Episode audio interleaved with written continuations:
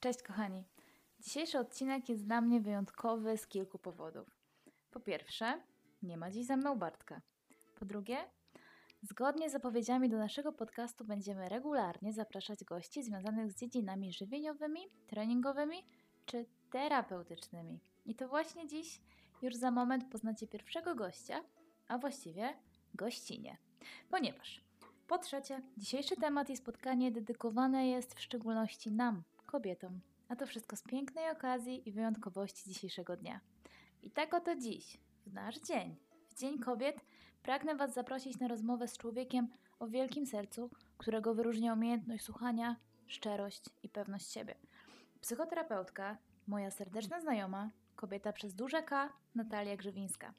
Z Natalią porozmawiamy o tym, jak nasza głowa, a więc rozmaite przekonania, wzorce myślowe czy powtarzalne od lat schematy mogą wpływać na zachowania, podejmowane decyzje i dokonywane wybory. Zastanowimy się wspólnie, czy wymienione czynniki mogą ograniczać podejście do ruchu, podejmowanych aktywności i tym samym uniemożliwić proces zmian w celu poprawy sylwetki, a przede wszystkim zdrowia. Jeśli obawiasz się, że rozmowa z psychoterapeutą oznacza, że musi być z tobą coś nie tak, lub zwyczajnie boisz się zadawać pewnych pytań, mimo że czujesz od dawna, że wiele spraw ci nurtuje czy zastanawia, a może po prostu chcesz się upewnić, że zdrowie równa się zewnętrzne i wewnętrzne współgranie ze sobą samym. Potraktuj dzisiejszy odcinek jako najlepszą okazję do zrobienia czegoś wcale niemałego dla siebie i zostań z nami przez kilka wspólnych chwil. Zapraszamy do rozmowy. Cześć Natalia. Cześć Isa, na samym początku w ogóle chciałam Ci mega podziękować za zaproszenie i że możemy dzisiaj porozmawiać. To ja dziękuję, że przyjęłaś moje zaproszenie. Bardzo mi miło również. Zaczynamy w takim razie. Powiedz mi proszę, jak to się stało, że robisz to, co robisz? To jest takie pytanie, na które y, odpowiadam sobie cyklicznie co jakiś czas i z roku na rok ta odpowiedź jest coraz, mam wrażenie, dokładniejsza i, i klarowniejsza. E, krótko mówiąc, e, jeżeli okazuje się, że to, co robisz, to jest to, co kochasz, wówczas przekonujesz się o tym, że te wybory nie są przypadkowe. To nie jest e, rzut monetą, to nie jest wybór pójdę w tą albo w tamtą, tylko to jest taka decyzja, która wynika z Twoich absolutnych przekonań. Um, mi zależało na tym, żeby dowiedzieć się, jakim człowiekiem jestem, kim tak naprawdę jestem, jakie są moje prawdziwe potrzeby co tak naprawdę mnie uszczęśliwia. I ta droga do tego rozwoju osobistego mhm. Stała się też taką um, odpowiedzią wobec moich decyzji o profesjonalnym pomaganiu innym ludziom. I tym sposobem właśnie stałam się psychologiem i psychoterapeutą. A powiedz, od kiedy mogłabyś stwierdzić, że wiedziałam, że już wiem i idę w to? Myślę, że ten pierwszy moment y, to była decyzja gdzieś tam na poziomie 15-16 roku życia. Szybko. Tak, e, to był taki moment, kiedy stwierdziłam, że chyba pomysł z Akademią e, plastyczną e, nie jest e, jednak dla mnie priorytetem. To było pierwszym wyborem Twoim, czy nie do końca? to był mój pierwszy wybór mhm. i ja byłam mniej więcej do tego czasu, do tego 15-16 roku życia absolutnie przekonana, że w ten sposób będę rozwijała swoją ścieżkę zawodową. Mhm. E, natomiast e, w pewnym momencie zdałam sobie sprawę, że dużo bardziej interesujące, pociągające, kręcące mnie jest praca z drugim człowiekiem, rozumienie tego, co w tym człowieku się dzieje, dlaczego postępuje w taki, a nie, a nie w inny sposób. Niemniej artystyczna dusza na pewno w to wygra. Nie zaprzeczę. e, powiedz mi, a mm, to inaczej. Zapytam o samą psychoterapię już, mhm. czyli, czyli no, główne zajęcie, nie? E, czy należy jej się bać według Ciebie? Czy to, bo ja często spotykam się z takim stwierdzeniem, pytaniem ze strony swoich pacjentów, e, opowiadających gdzieś tam, wiesz, o tym, co słyszeli, albo że no chciałabym, ale, ale się boję. I właśnie moim pytaniem jest, czy należy się bać? Czy jest czego?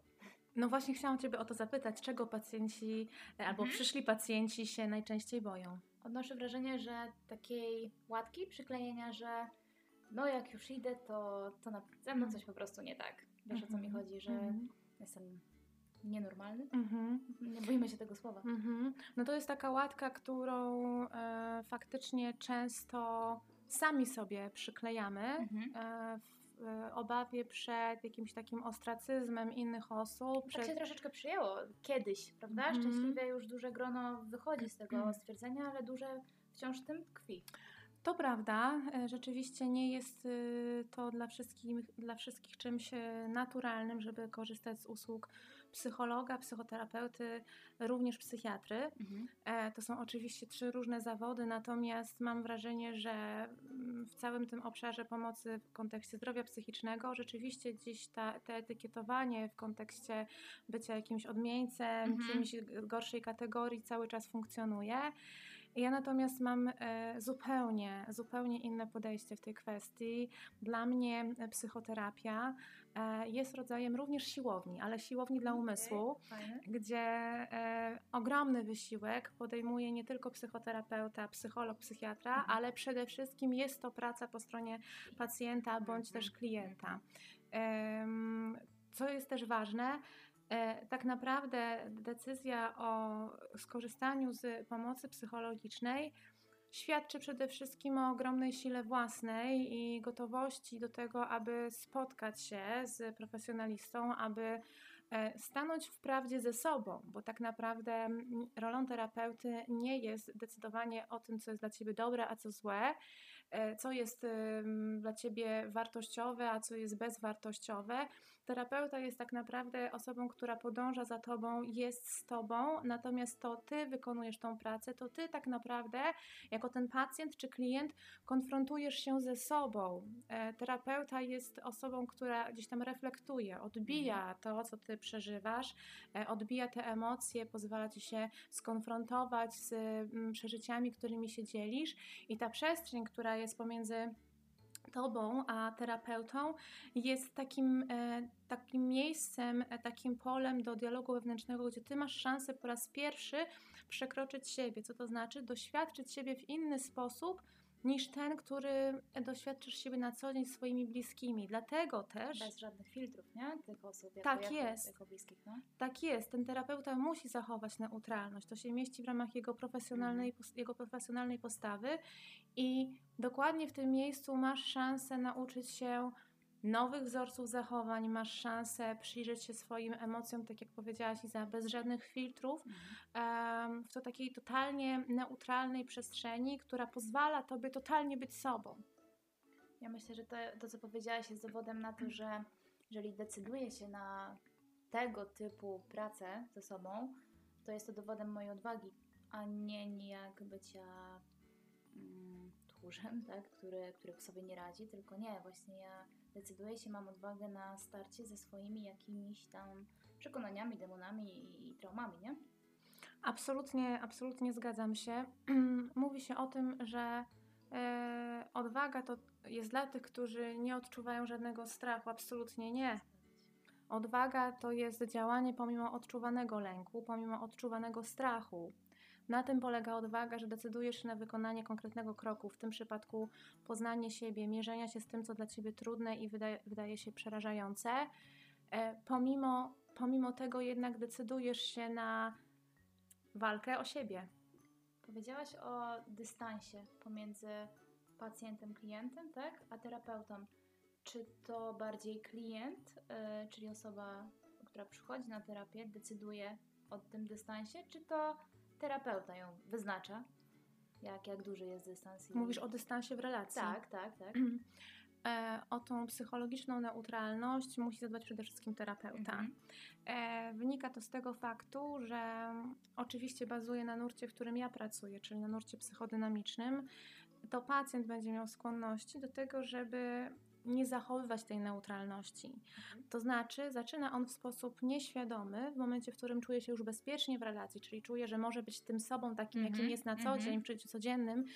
Wtedy zaczyna w sposób niekontrolowany, nieświadomy przerzucać swoje naturalne wzorce zachowań i ustawiać ciebie jako terapeutę w konkretnej relacji do siebie. I też ten dystans naturalnie zaczyna się zmniejszać. Zaczyna nie? się zmniejszać, albo w pewnych momentach, w których dotykamy mm, jakichś trudności pacjenta, on na przykład może zachcieć uciekać Okej. uciekać, wchodząc w konkretne mechanizmy obronne, bądź w konkretne wzorce też e, przeniesieniowe, przeciwprzeniesieniowe. Chodzi tutaj o ustawianie terapeuty w konkretnej roli, przenoszenie zachowań, które, na przykład na co dzień prezentuje względem swojej matki pacjent, czy względem swojego partnera, Mhm. na osobę terapeuty. I rolą terapeuty wówczas jest odczytać ten wzorzec i nie pozwolić na to, aby te wzorce przeniesieniowe skoncentrowały się na osobie terapeuty, bo to pacjent ma ze sobą pracować, a nie terapeuta. Żeby zmienić te typowe zachowanie, nie? I, i zacząć pracować z, by je w jakiś inny sposób zacząć, e, no finalnie przejść na, na inny rodzaj działania. Tak jest i Mhm. dlatego rolą terapeuty, tak jak powiedziałam wcześniej, jest to reflektowanie, Mhm. odbijanie tych uczuć pacjenta, w jego mechanizmów, wzorców zachowania,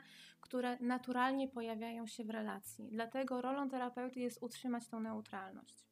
Okej, super.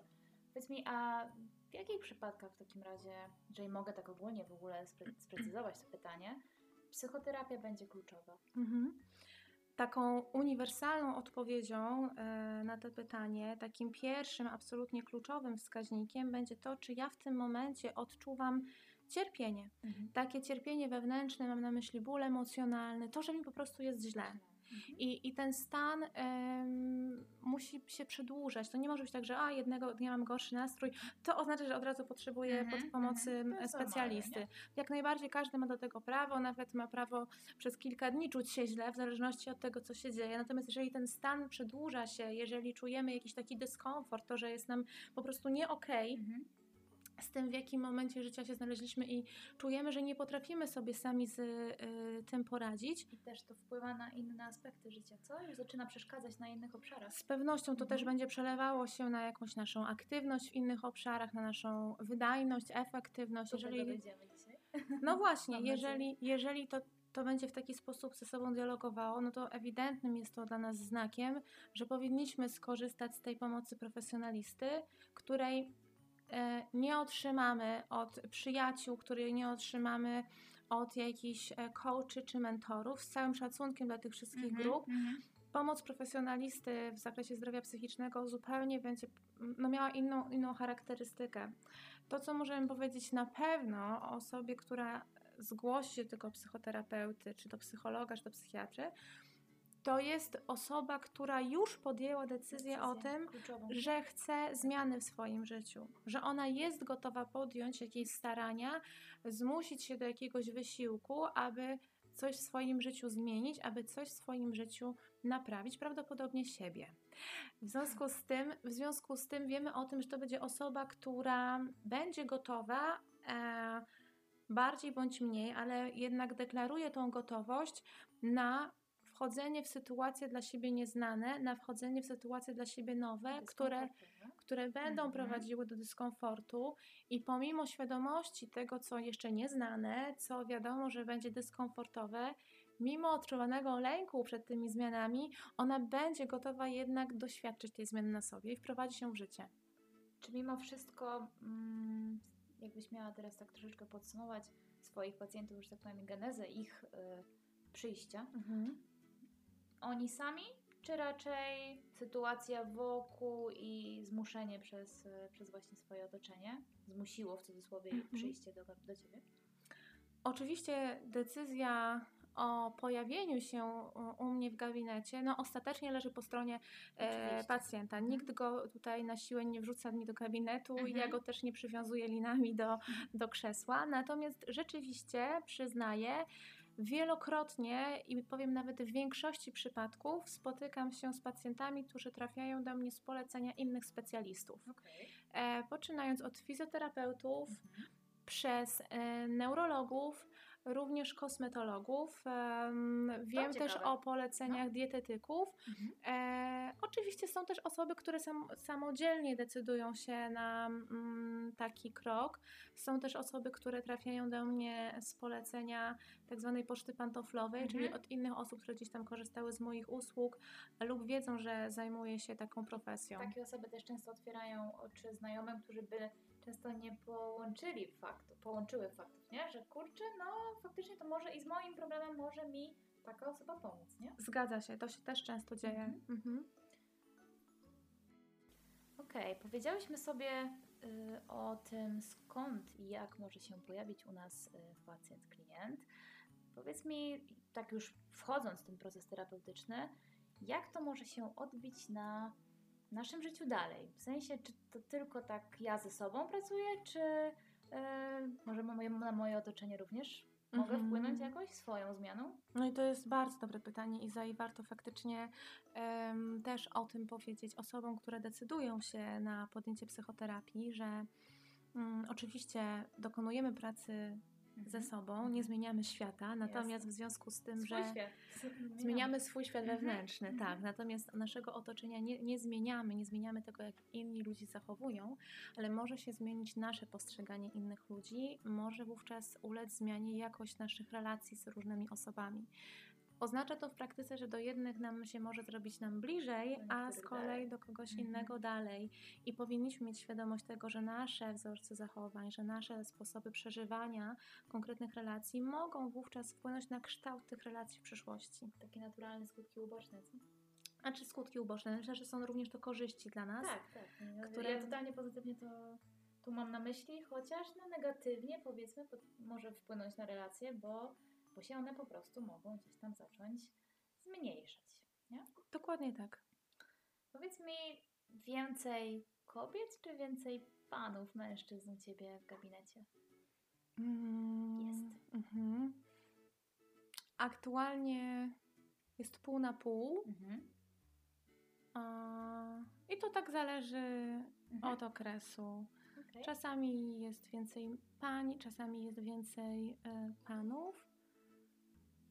W tym, w tym momencie jest, jest pół na pół, także zarówno panie, jak i Liczyłam, że panowie. powiesz, że pani, ale to tylko dlatego, że, że to na, na nas chce się ku- skupić dzisiaj.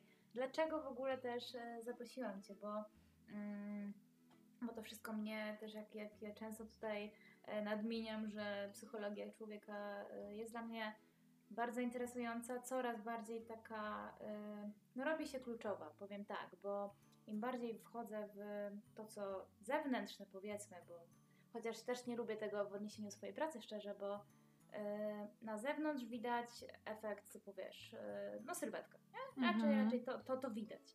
Tyle, że ja też pracuję w teorii od środka, tak? Ale nad tym, co na zewnątrz pracuję, czyli aparat głównie ruchu.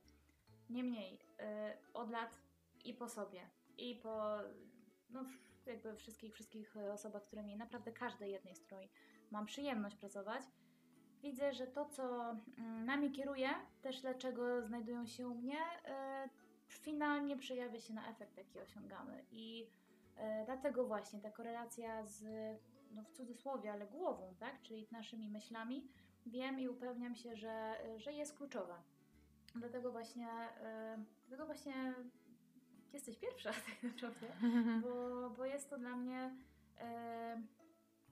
kluczowe, jeszcze raz powtórzę to słowo, e, połączenie i, i, i musi to współgrać. Teraz po, w odniesieniu do kobiet, czy obserwujesz, że mm, inaczej, czy możemy postawić tezę, że częściej robią to, rozpoczęcie pracy e, ze sobą, robią to dla siebie, czy jednak e, rozpoczęcie starań o na razie takie swoje podejście jest jednak dla kogoś innego? Mhm. To nie jest łatwe pytanie, e, żeby jednoznacznie móc na nie e, odpowiedzieć, bo rozumiem, żeby też miał tą pracę taką psychoterapeutyczną, związaną tak, z, mhm. z takim rozwojem własnym. A jeżeli, e, jeż, mogę powiedzieć z pewnością, że jeżeli mm, pacjentka, bo mówimy o kobietach, chociaż tak naprawdę to samo bym powiedziała w przypadku Mhm. mężczyzn, trafia do gabinetu i w trakcie wywiadu tego wstępnego okazuje się, że powodem, dla którego ona zgłosiła się tutaj na terapię, jest jakieś wskazanie z zewnątrz, czyli jakiś nacisk ze strony, nie wiem, partnera, mamy, męża, dziecka, Mhm. wówczas e, ja szukam z tą osobą, obojętnie czy to kobieta, czy mężczyzna. No przepraszam, że nie wyróżniam tutaj kobiet. Nie ma sprawy. To, to się zaciera, nie? Eee, Tak, szukamy, szukamy wówczas motywacji wewnętrznej, która będzie wystarczającą motywacją, a tylko, tylko wystarczającą jest motywacja wewnętrzna, żeby podjąć pracę nad sobą. Nie ma motywacji zewnętrznej, która będzie równie silna jak motywacja wewnętrzna, związana z własną decyzją o zmianie, aby po prostu pacjent, pacjentka utrzymał się w terapii długoterminowej. Właśnie, upewnić, że dobrze wybrał, nie? Że robi to dla mi się siebie. stało, dokładnie. Mhm. Okej. Przechodząc troszeczkę do tematyki pracy nad ciałem, po, połączmy to. Mm, czy coraz częściej przychodzą klienci, trzymajmy się obu płci, e, z problemem w cudzysłowie tego, że nie potrafię sobie poradzić z, ze swoim zdrowiem, z sylwetką, z odżywianiem, aktywnością? Czy jest taka, mm, taka tak, obserwujesz tego typu problem? Mhm. E, w związku z tym, że sporo klientów e, trafia do mnie też z polecenia e, fizjoterapeutów, w związku z tym temat ciała bardzo często też pojawia się w moim gabinecie. Najczęściej są to, jest to tematyka psychosomatyki, tematyka bólu odczuwanego w ciele, mhm. ale jest to ból emocjonalny. Natomiast w kontekście sylwetki, obrazu własnego ciała, jeżeli ten temat nie pada mm, przez e, pacjenta, nie jest wymieniony jako pierwszy, on prędzej czy później będzie się przewijał w wywiadzie. Co więcej, nie jest to temat, który wywołuję ja. Mhm. Jako, jako terapeuta, nie ja takie pytanie zadaję dotyczące stosunku do własnego ciała. I tutaj rzeczywiście przyznaję, że mm, przede wszystkim kobiety e, ten temat wywołują e, w wywiadzie ze mną częściej um, Czyli zaczynają podczas wywiadu poruszać to właśnie, że tak, to z ciałem że nie są mam, zadowolone. Mam, okay. Tak, i ten, i ten wygląd e, swojego, swojej sylwetki, to jak siebie widzą w lustrze, one ubierają w różne konteksty. E, w kontekst samoakceptacji, w kontekst atrakcyjności fizycznej, mhm. swojego życia seksualnego, mhm. e, swojego życia sportowego, dietetycznego, czy również zdrowia ogólnego, więc te ciało jest naprawdę ważnym tematem w gabinecie, który, który jest takim łącznikiem między różnymi sferami życia. To ciekawe, co, co powiedziałaś szczerze dla mnie jako e, fizjoterapeuty, gdzie wiem, jak ciężko, też nie, nie bójmy się tego powiedzieć, ciężko jest namówić albo nawet e, tak przerodzić troszeczkę rozmowę, żeby mm, zwrócić uwagę na to, że może ja nie jestem y, wystarczającym specjalistą, w sensie takim, że y, praca na y, skupmy się tym zewnętrznym aspekcie nie do końca jest y, albo, albo tym, która powinna być jedynym, albo może nawet na pewien czas należałoby zmienić kolejność, czyli ja za jakiś czas, a, a najpierw praca trochę innego rodzaju. Y, ciężko porozmawiać yy, i w ogóle zwrócić uwagę pacjentowi, bo no nie jest to wygodny temat dla, dla, dla dużej części, chociaż ja powiem szczerze, że fajnie trafiam na, na pacjentów coraz bardziej świadomych przede wszystkim też i już podczas też wywiadu pierwszego ze mną często słyszę, jestem po, podczas e, terapii, jestem po niej i tak fajnie, otwarcie, normalnie. Niemniej wiem, że jeżeli nie, to, mhm. To, to nie jest wygodne, jeżeli miałabym zwrócić na to uwagę, nie? Mhm. No zdecydowanie y, konfrontowanie ludzi, który, którymi się otaczasz w kontekście przyjmowania pomocy psychologicznej, y, psychoterapeutycznej czy w ogóle psychiatrycznej, wydaje mi się, że wciąż jest e, dużo trudniejsze niż konfrontowanie ich z przyjmowaniem pomocy dotyczącej ciała. Tak. E, dużo mniej jakieś takie stygmatyzujące, dużo mniej niezręczne. Wydaje mi się cały czas skierowanie y, człowieka po pomoc y, fizjoterapeuty, dietetyka, mhm. niż po pomoc psychoterapeuty czy mm, psychiatry, czy no też bo, psychologa. Bo przepraszam, jak wiesz, nawet rozmawiasz ze znajomym, wiesz co, rozpoczęłam współpracę z fizjoterapeutą, tak? Albo poszłam do dietetyka. To jest takie, o wow, super. Ale mam wrażenie, że wciąż wśród dużej grupy mm. osób, jak powiesz, rozpoczęłam terapię, to jest uuu. co się dzieje? No tak. No, no, e, a to jest dla mnie też cenne, co mówisz, bo mm, no, moi znajomi wiedzą, jak, jaką pracę wykonuję, więc to trochę y, inaczej wygląda, bo, bo, bo oni wiedzą, że, że, że, oni wiedzą, że w ogóle mogą o, tak, tym swobodnie tak. porozmawiać, a to jednak jeszcze w jakimś, w jakimś stopniu jest tematem tabu, zupełnie niepotrzebnie, natomiast też e, nie widzę żadnego powodu w tym, żeby robić z tego jakieś wielkie halo, jakieś mhm. wielkie larum. To jest dla mnie naprawdę równorzędna potrzeba z tym, żeby pójść do dentysty, fryzjera, czy fizjoterapeuty, czy dietetyka e, i to tak, takie ładne, częste, popularne słowo mogę tu przytoczyć. Holistyczne podejście do siebie, czyli tak. po prostu całościowe spojrzenie na swój organizm, tak? Na, na to, czego na tu i teraz mi trzeba. Ostatnio słyszałam takie ciekawe y, powiedzenie, że w pracy kiedy wychodzisz na 10 minut przerwy na kawę, nikt nie robi z tego wielkiego halo, Mhm. nikogo to nie dziwi. Natomiast gdybyś powiedziała, że potrzebuje 10-minutowej konsultacji z psychologiem, czy 10 minut na medytację, to, to byłoby coś zupełnie dziwnego, powiedziałabym wręcz nieakceptowanego społecznie. Dlaczego my sobie pozwalamy na robienie przerwy w takim celu, a nie w celu wypicia kawy? A to właśnie, y, to, to ja z bardziej swojej strony, ale tak, to, to, to zgodzę się totalnie i, i przytoczę z kolei e, zdanie, nad którym ja osobiście często się zastanawiam. Dlaczego, wiesz, pójście do ortopedy e, z, czy do mnie z bolącym kolanem jest normalnym, a dlaczego z nurtującymi ciągłymi myślami w głowie pójście do psychoterapeuty już nie. Mhm. To tak jakby mm, było, nie wiem, to e, niewystarczająco ważne albo zbyt osobiste, by, by tym się podzielić. Natomiast no, mam wrażenie, że jeszcze niektórzy mm, trudności natury właśnie e, takiej emocjonalnej, a psychologicznej nie ujmują w kategorii zdrowia No, coś w tym jest, nie? nie widzą w tym rów- równie ważnego e, zagadnienia, jak właśnie e, bóle jakieś, nie wiem, mięśniowe, kostnostawowe i tak dalej. Mm, Trzeba przyznać to Iza, niestety, ale do pewnego czasu ja sama też spotykałam się z lekarzami, którzy em, diagnozując pacjentów i e, odkrywając, że jednak na poziomie somatycznym nie ma żadnych nieprawidłowości, konkludują cały proces diagnostyczny taka pani, taka pana uroda. Tak, Zamiast, pani y, tak ma.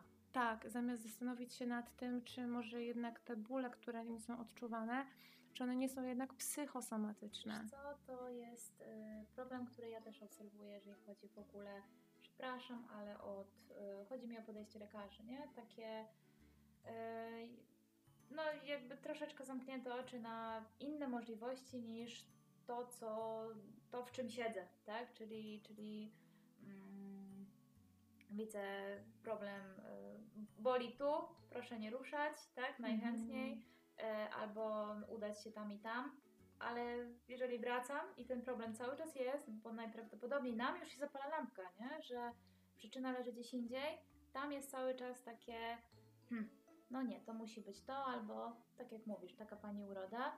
Niestety to brzmi śmiesznie, ale to, no i tak, tak jest po prostu. Oczywiście też no, nie ma co generalizować, tak, bo y, ja osobiście też znam y, lekarzy, Oczywiście. którzy mają bardzo holistyczne i takie interdyscyplinarne Mhm. podejście do rozumienia pacjenta, uwzględniając też y, tak zdrowie psychiczne.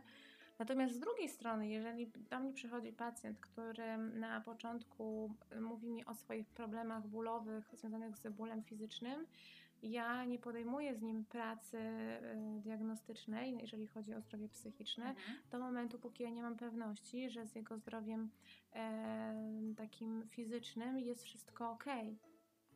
Muszę się upewnić, że na poziomie cielesnym nie ma żadnych nieprawidłowości, żeby móc Mhm. wówczas pogłębiać ten wywiad e, w stronę rozumienia tego bólu emocjonalnego.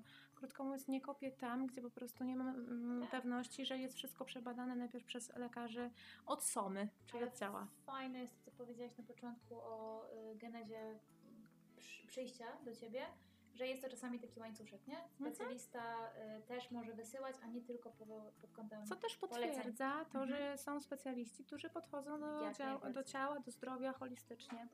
Okej. Y, Ja taką, może nie historyjkę, ale przytoczę mm, częste zjawisko u mnie, coraz częstsze. E, Myślę, że dla, często w gabinecie moim, ponieważ jest to jednak taka mm, intymna, y, często y, terapia, tak? Jest to praca jeden na jeden. Często tutaj się a pacjent się po prostu bardziej otwiera. I, I widzę, co się dzieje z ciałem i też jak, y, co przeżywa, okay? kiedy ja go uwalniam z jakichś somatycznych problemów, e, cielesnych, że tak powiem, a, a, a co tam faktycznie siedzi głębiej, mówiąc kolokwialnie. Często jest tak, że cały proces w teorii idzie naprawdę ok. W sensie takim, wiesz, jest, jest w teorii motywacja, e, udaje się utrzymać e, terminy, wszystko naprawdę ładnie, pięknie, ale nie ma efektu. W sensie takim, że mm, inaczej, efekt może jest, jakbyśmy miały sobie spojrzeć na jakieś wiesz, plany treningowe, wszystko ok. Jednak cały czas ta raczej klientka, powiem szcz- szczerze, to widzę częściej wśród kobiet, w niej coś siedzi. Ja widzę, że te emocje cały czas głęboko są, przez co też ta aktywność fizyczna jest blokowana. Jak byś to zinterpretowała, widząc, widząc osobę, która w teorii powinno iść wszystko ok, ale widać, że ona sama czuje, że męczy ją coś. A i teraz, i też podczas treningów, podczas właśnie rozpoczynania pracy aktywnej nad sobą, wychodzą pewne rzeczy. Okay? Ona y, no, odczuwa różne emocje. Na, naprawdę nie przesadzę mówiąc, że jak tylko ruszamy, okay, troszeczkę tego ciała, i poza, poza wstawkami pod tytułem y, ale się zapuściłam i tak dalej, bo jest to częstym też. Ja zawsze uspokajam, że jesteś tutaj teraz i nieistotne, kiedy zaczynamy. Ważne, że, że, że po prostu działamy i, i może być tylko lepiej, ale to są mówione słowa przez nie często z łzami w oczach. Mhm. I bo te emocje po prostu wychodzą. Jaka byłaby Twoja interpretacja?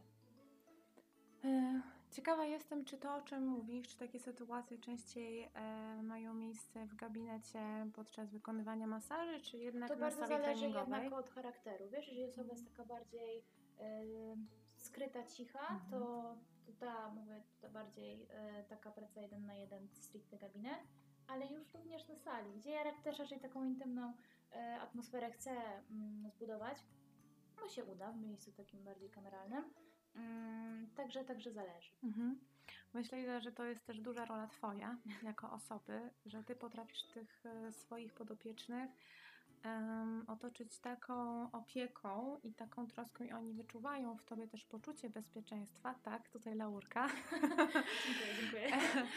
że y, oni pozwalają ujawnić przed, są, mhm. przed Tobą, przed sobą również, tak, ale przed Tobą się na, konkretne na emocje. Mhm, tak, tak, e, tak. więc to jest też e, bardzo dobra prognoza dla Ciebie, bardzo dobry prognostyk na to, że tu będzie relacja długoterminowa. Się zgadza, no bo oni czują się na tyle bezpiecznie, żeby trochę wyjść poza ten schemat takiego mm -hmm. pancerza. Tak, że, że ja, ja się staram, jaka to jestem, mm -hmm. wszystko jest okej, okay, nie? Tak. I oni widzą, że to nie ma sensu przed tobą, wychodzi, bo, no. bo to nie, nie zadziała. Tutaj e, ty to i tak zauważysz. Co więcej, oni widzą też w tobie jako no, swojego rodzaju mentorce, przewodniczce w tym ruchu, w tym mm -hmm. pracy nad -hmm. ciałem.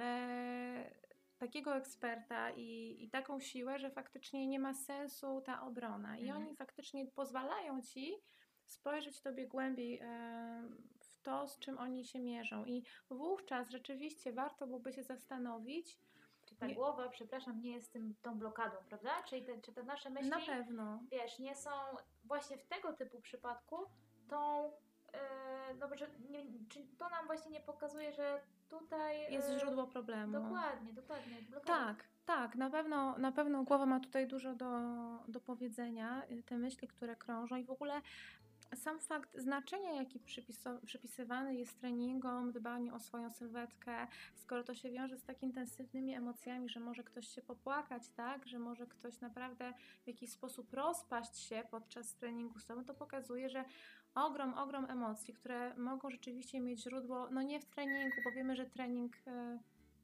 trening jest e, takim momentem, w którym rzeczywiście będziemy korzystać e, z różnych swoich automotywacji do działania, natomiast nie jest to źródło wyzwalania tak głębokich emocji. One muszą mieć swoje źródło absolutnie w psychice, i te emocje wówczas rzeczywiście będą się wyrażały również poprzez ruch. Mhm. Dlatego tak bardzo też leczącym jest chociażby choreoterapia, mhm. artterapia.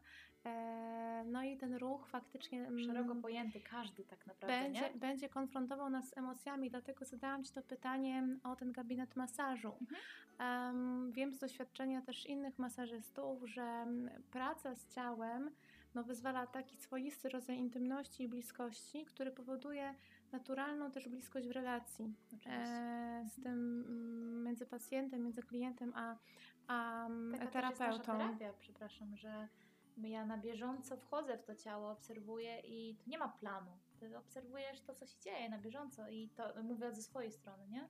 Ale taka, taka śmieszna dygresja, którą zawsze nam powtarzali, jak się uczyliśmy samego masażu, jeszcze nie mówię o terapii, patrz na twarz, nie? Co bardziej się mhm. tyczyło, wiesz, boli, nie boli, krzywa minka i tak dalej, ale tu chodzi o te emocje, które się wyrażają na twarzy, a które tak naprawdę pokazuje ciało. I czuję to pod rękami, nie? Tak, nie ma planu na, na relację. Nie. Nigdy nie wiesz, jak relacja się potoczy. Możesz znać swojego pacjenta x lat i nie Mhm. przewidzisz tego, co wydarzy się podczas kolejnego spotkania. To się tyczy każdego rodzaju terapii, czy tej manualnej, czy też psychoterapii. Także nie ma takiej możliwości, żeby zaplanować to, w jaki sposób ta relacja się dalej potoczy. I dlatego chodzi o taką cały czas czujność, o bycie obecnym w tej relacji, o takie naprawdę duże empatyzowanie i wsłuchiwanie się w potrzeby tego naszego podobiecznego, bo on nigdy nie wiemy, kiedy nam się rozpłacze na początku treningu, czy w Mhm. momencie, w momencie ucisku w konkretnym punkcie ciała, bo właśnie to może być ten punkt, w którym gromadzone jest napięcie emocjonalne. Dlatego ja zawsze mówię, że rób co chcesz. W sensie nie, nie, nie, nie blokuj się. Chcesz krzyczeć, płacz, wszystko, naprawdę. To... I to jest takie wtedy taki uśmiech i takie przyzwolenie, że uff, nie muszę się hamować, nie? I, i faktycznie mogę się odblokować tutaj. Tak. gabinecie już nie wspomnę zapewne, jak, jak, e, co się dzieje tam, nie? No my tak naprawdę Iza rozmawiamy z pacjentem tylko za pomocą innych narzędzi. Tak, to prawda. I pomagamy Mhm. ob- obydwie, tylko po prostu z różnej strony. I ten dialog Fajnie, jest niesamowicie no. potrzebny, żeby ten przepływ był, Okej. żeby była ta harmonia, bo inaczej nie ma mowy o pełnym zdrowiu. Chciałabym e, przetoczyć takie sformułowanie, które często w naszych kręgach, że tak powiem, się, się pojawia. Chodzi mi o emocje zawieszone w ciele. To jest chyba właśnie to, co też troszeczkę definicję teraz powiedziałyśmy, ale one wpływają na naszą postawę. Czyli przychodzi do mnie osoba i ja widzę, że okej, mięśniowo jest problem, w cudzysłowie, tam z tym i z tym, ale on tak ma przez postawę, którą przyjmuje codziennie, bo chociażby ten stres, nie? który co o stres jeszcze Ciebie zaraz zapytam, ale pewne emocje w nas wchodzą i to widać po nas, co my czujemy, tym jak się ustawiamy na ten moment. Co o tym sądzisz? Jasne, to faktycznie tak działa, że mm, nawet e, jest e, taki nurt, e, mm, to jest psychosomatyka, która się bardzo koncentruje właśnie na tych emocjach zawieszonych w ciele. I mówi się o tym, że konkretne emocje, a szczególnie te emocje e, podstawowe, takie jak złość, Mhm. takie jak strach, e, takie jak wstręt, e, akurat wymieniłam te negatywne, No no, bo zwykle a takie jak radość też przecież. też oczywiście e, one się wyrażają w naszym ciele w pewnych stałych wzorcach. Zwróćmy uwagę, że nawet ci ludzie pierwotni, którzy byli gotowa, gotowi do walki, Mhm. więc byli tymi odważnymi, odczuwając jednocześnie strach przed Mhm. przeciwnikiem, naturalnie ustawiali się w konkretny sposób. Wysuwali szczęki do przodu, e, w konkretny sposób napinali ciało. E, ta pozycja była zamknięta jednocześnie, aby na wszelki wypadek jednak ochronić się przed tym Tak. przeciwnikiem. I te bardzo pierwotne e, postawy naszego ciała podobne. pozostają w Tak. nas. My tego nie kontrolujemy, Mhm. ale to te konkretne emocje, one w nas wywołują konkretne wzorce i my możemy oczywiście nasze mięśnie wzmacniać. Może się poprawiać ich mobilność i to jest oczywiście bardzo ważne. Ale ja tu wtrącę, że a propos tego, ja robię w teorii wszystko ok, plan idzie, tylko że te wzorce są powyżej. Tak, One przeważają. I co z oczywiście. tego, że ten mięsień jest silny, jeżeli ten Emocja będzie jeszcze bardziej Mhm. decydowała o tej sylwetce. Mięś, mięśni faktycznie mogą tutaj robić dużo, ale emocje z nimi wygrają, bo są bardziej pierwotne. Ta praca, którą ty wkładasz w pracę z pacjentem, to jest coś, co ten pacjent, co ten klient nabywa i się uczy bardzo dobrych wzorców, ale jeżeli to nie będzie miało połączenia z pracą psychoterapeutyczną, to te emocje będą zalewały tą pracę, którą wykonujemy nad swoim ciałem. I co z tego, że, te, że klatka e, piersiowa, że ramiona, że plecy będą mocne, jeżeli my będziemy na przykład na stres, na złość cały czas reagowali na pięć i będziemy się w sobie zamykać.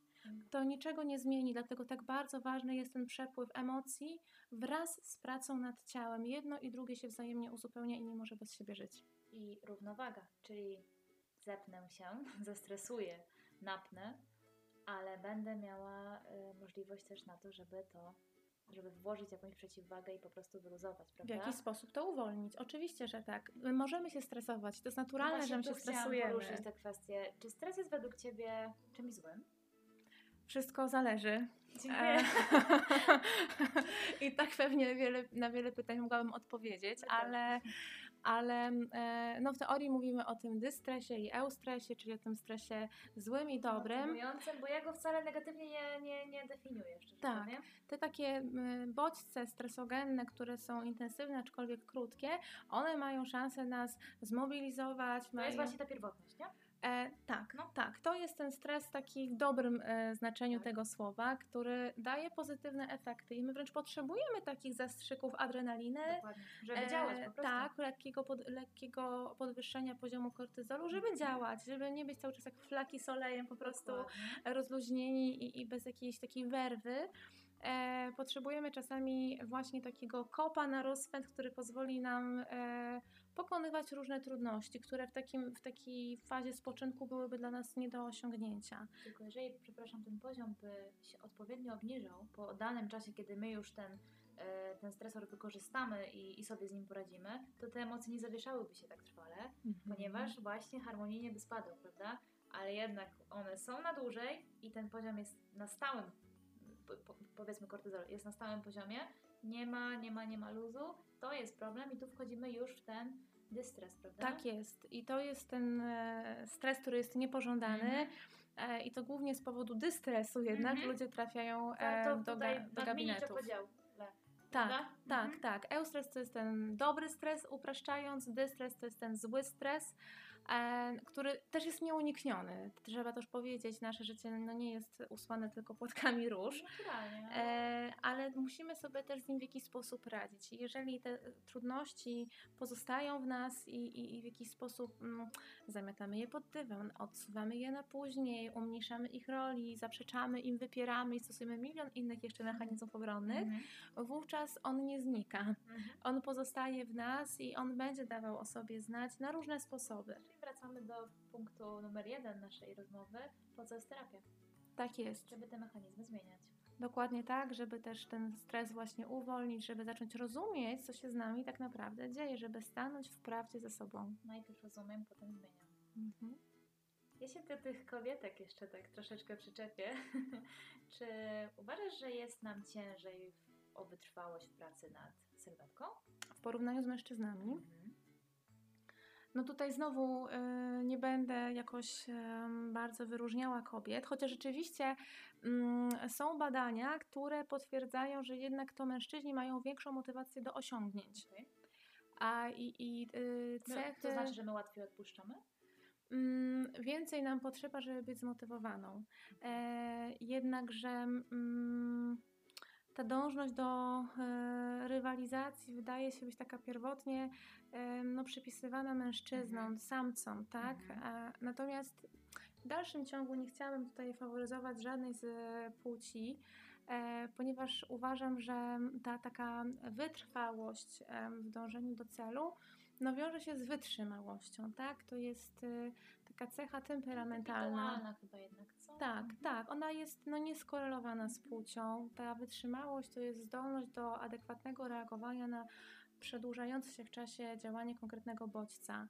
E, a w tym przypadku mówimy o jakimś, jakimś reżimie, o jakiejś dyscyplinie, czy to związanej z dietą, czy z wysiłkiem fizycznym, czy z pracą nad sobą i znoszenia różnych frustracji. Czyli też to jest rodzaj mm, no, konkretnej trudności, którą podejmujemy. I jeżeli myślimy właśnie o takim rozumieniu tej wytrwałości, no to ja bym się odniosła raczej do aspektów motywacji, Mhm. do znalezienia tego powodu, który naprawdę jest w stanie Ciebie pobudzić do wymagania od siebie więcej. Ale to, to jest y, super, fajnie, że to mówisz, że to, to nie jest zależne od y, płci, bo ja celowo zadałam to pytanie, ponieważ my chyba mamy, w sensie kobiety, coś takiego, że właśnie, no tak, no bo ja to raczej ja odpuszczę niż, nie wiem, mój facet, nie? Wcale, że nie. Pracując z, i, z, i z kobietami, i z facetami, ja też widzę, że e, bardzo różnie. Z niektórymi ta współpraca idzie super, jest długa i naprawdę oni, oni z każdym kolejnym spotkaniem chcą tylko, tylko więcej od siebie, tak? I, i widzą, że, że, że to działa. Wiadomo, że też napędzamy się tym, jak mamy osiągi. Mm, a, a znowu czasami wychodzi tak, że no po prostu nie idzie, nie? I to Mhm. nie jest zależne od tego, czy, czy jestem kobietą, czy nie. Tak jest. Mówiąc o tej motywacji osiągnięć, która jest Mhm. wyższa u mężczyzn i tej rywalizacji, Mhm. ja miałam na, na myśli przede wszystkim e, rywalizację międzyosobniczą, czyli porównywanie się do drugiego człowieka. I to raczej mają kobiety chyba w większej skali. Czy już tutaj demonizuję?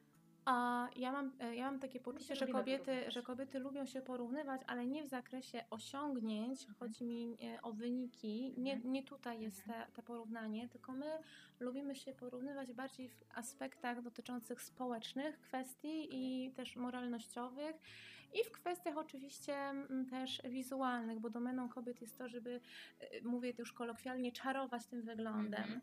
E, w świecie zwierząt to raczej samce są ci bardziej barwne, tak, i takie atrakcyjne. U, I a to się pozmieniało w naszych u człowieka jest, u człowieka jest, y, jest odwrotnie, natomiast panowie coraz bardziej gonią i też dbają o siebie coraz bardziej.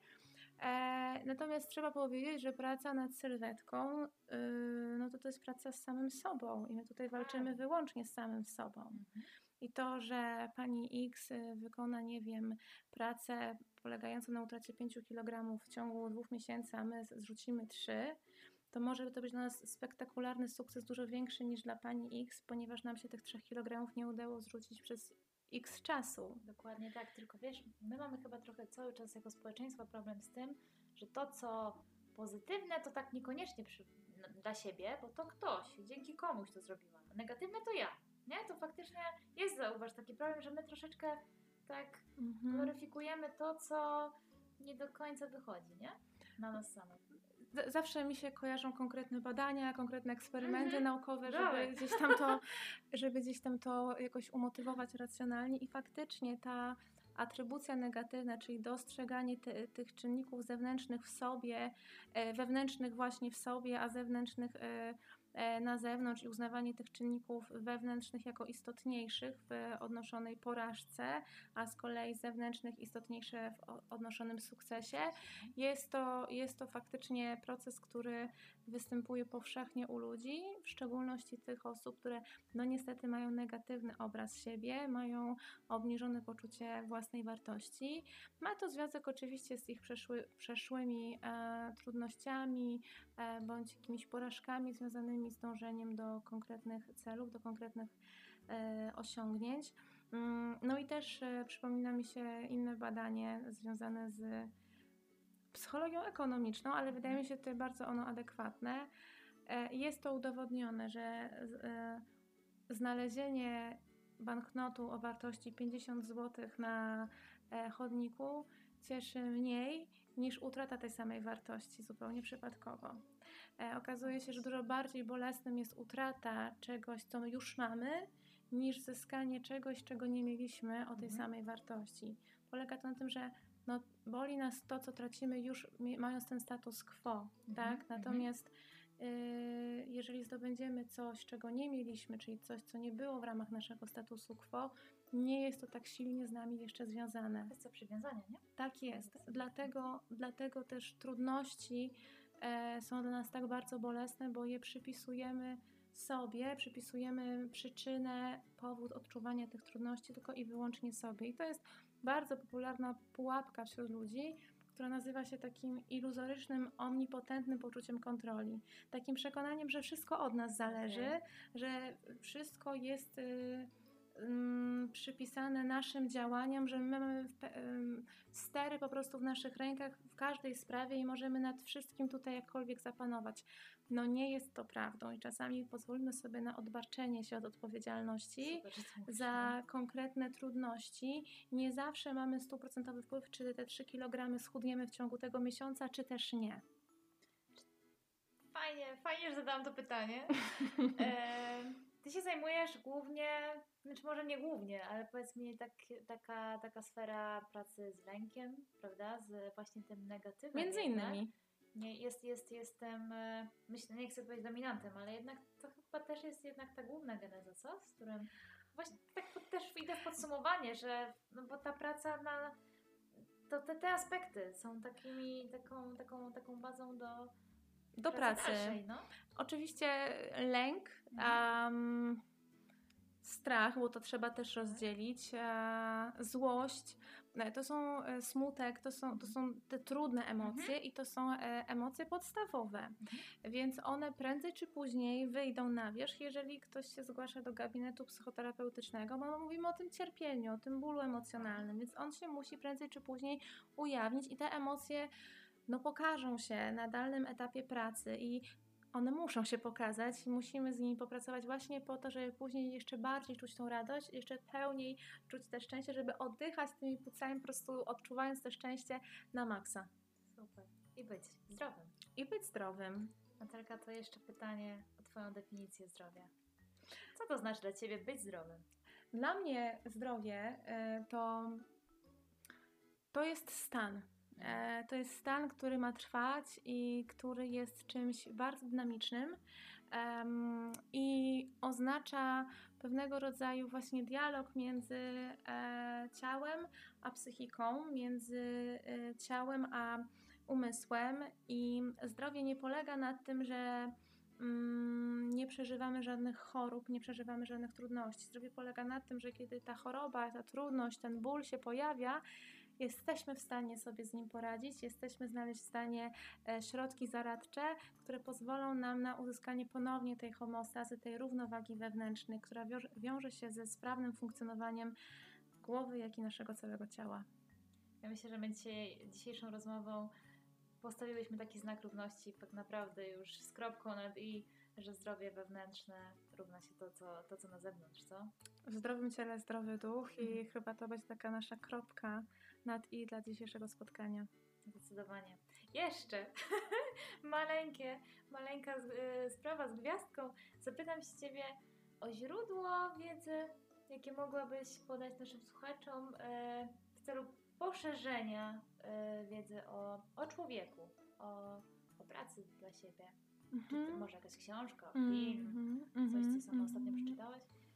Myślę o tym, o czym dzisiaj e, rozmawiałyśmy i no to jest tak szeroka tematyka, że na pewno tej literatury byłoby sporo, filmów byłoby całe mnóstwo. E, taką książką, którą e, z chęcią się podzielę i chętnie też ją zarekomenduję, wiążącą się właśnie z pracą nad swoim ciałem, wiążącą się e, poczuciem takiej akceptacji wobec tego, jak wyglądam Mhm. jak wygląda Mhm. moja sylwetka. E, to jest książka pani Mai Storch, Ile waży twoje ja? E, Jest to pozycja, która zawiera dużo cennej dawki wiedzy teoretycznej, ale też znajdują się tam ćwiczenia do pracy z Super. sobą. Mhm. E, Nie są to proste ćwiczenia nie są to ćwiczenia, które możemy wykonać na kolanie w przerwie na lunch. Ale praca ze sobą nie jest Mm. prosta i wymaga czasu. Mm, Myślę jeszcze nad y, filmem mm, Cały ten cukier. Nie wiem, czy Ja oglądałaś. słyszałam o niej, tak, o nim y, i, jest, jest na liście. To no. jest y, francuski dokument, który y, bardzo polecam obejrzeć, ponieważ on daje takie y, światło na to, jak bardzo jesteśmy bombardowani cukrem, nawet o tym nie wiedząc, z każdej ze stron i jak trudnym jest e, utrzymanie też e, zdrowej diety. Pomimo, pomimo naszych naprawdę szczerych chęci, żeby zapewniać sobie zdrowy pokarm, zdrowe żywienie. Super, że nawiązałaś do żywienia, bo to chyba już możemy zdradzić, co? Że Mhm. będzie druga część rozmowy, gdzie będziemy już we trójkę i poruszymy temat e, tego, jak nasze, nasze myśli, nasze wzorce mm, przekładają się na to, e, co decydujemy się e, jeść, tak? I Oczywiście. Jak, jak wpływa to na nasze żywienie. Także Powiemy też, jakie są funkcje jedzenia dla nas, jakie role przypisujemy, jakie znaczenie przypisujemy jedzeniu i dlaczego to tak bardzo determinuje nasz stosunek do tego, co jemy i jak jemy. super, dziękuję Tobie bardzo za dzisiejszą rozmowę. Ja Tobie też dziękuję, I już teraz zapraszamy na, na pewno na kolejną. Zdecydowanie. A czego na dzisiaj, na nasz dzień, czego życzymy kobietom?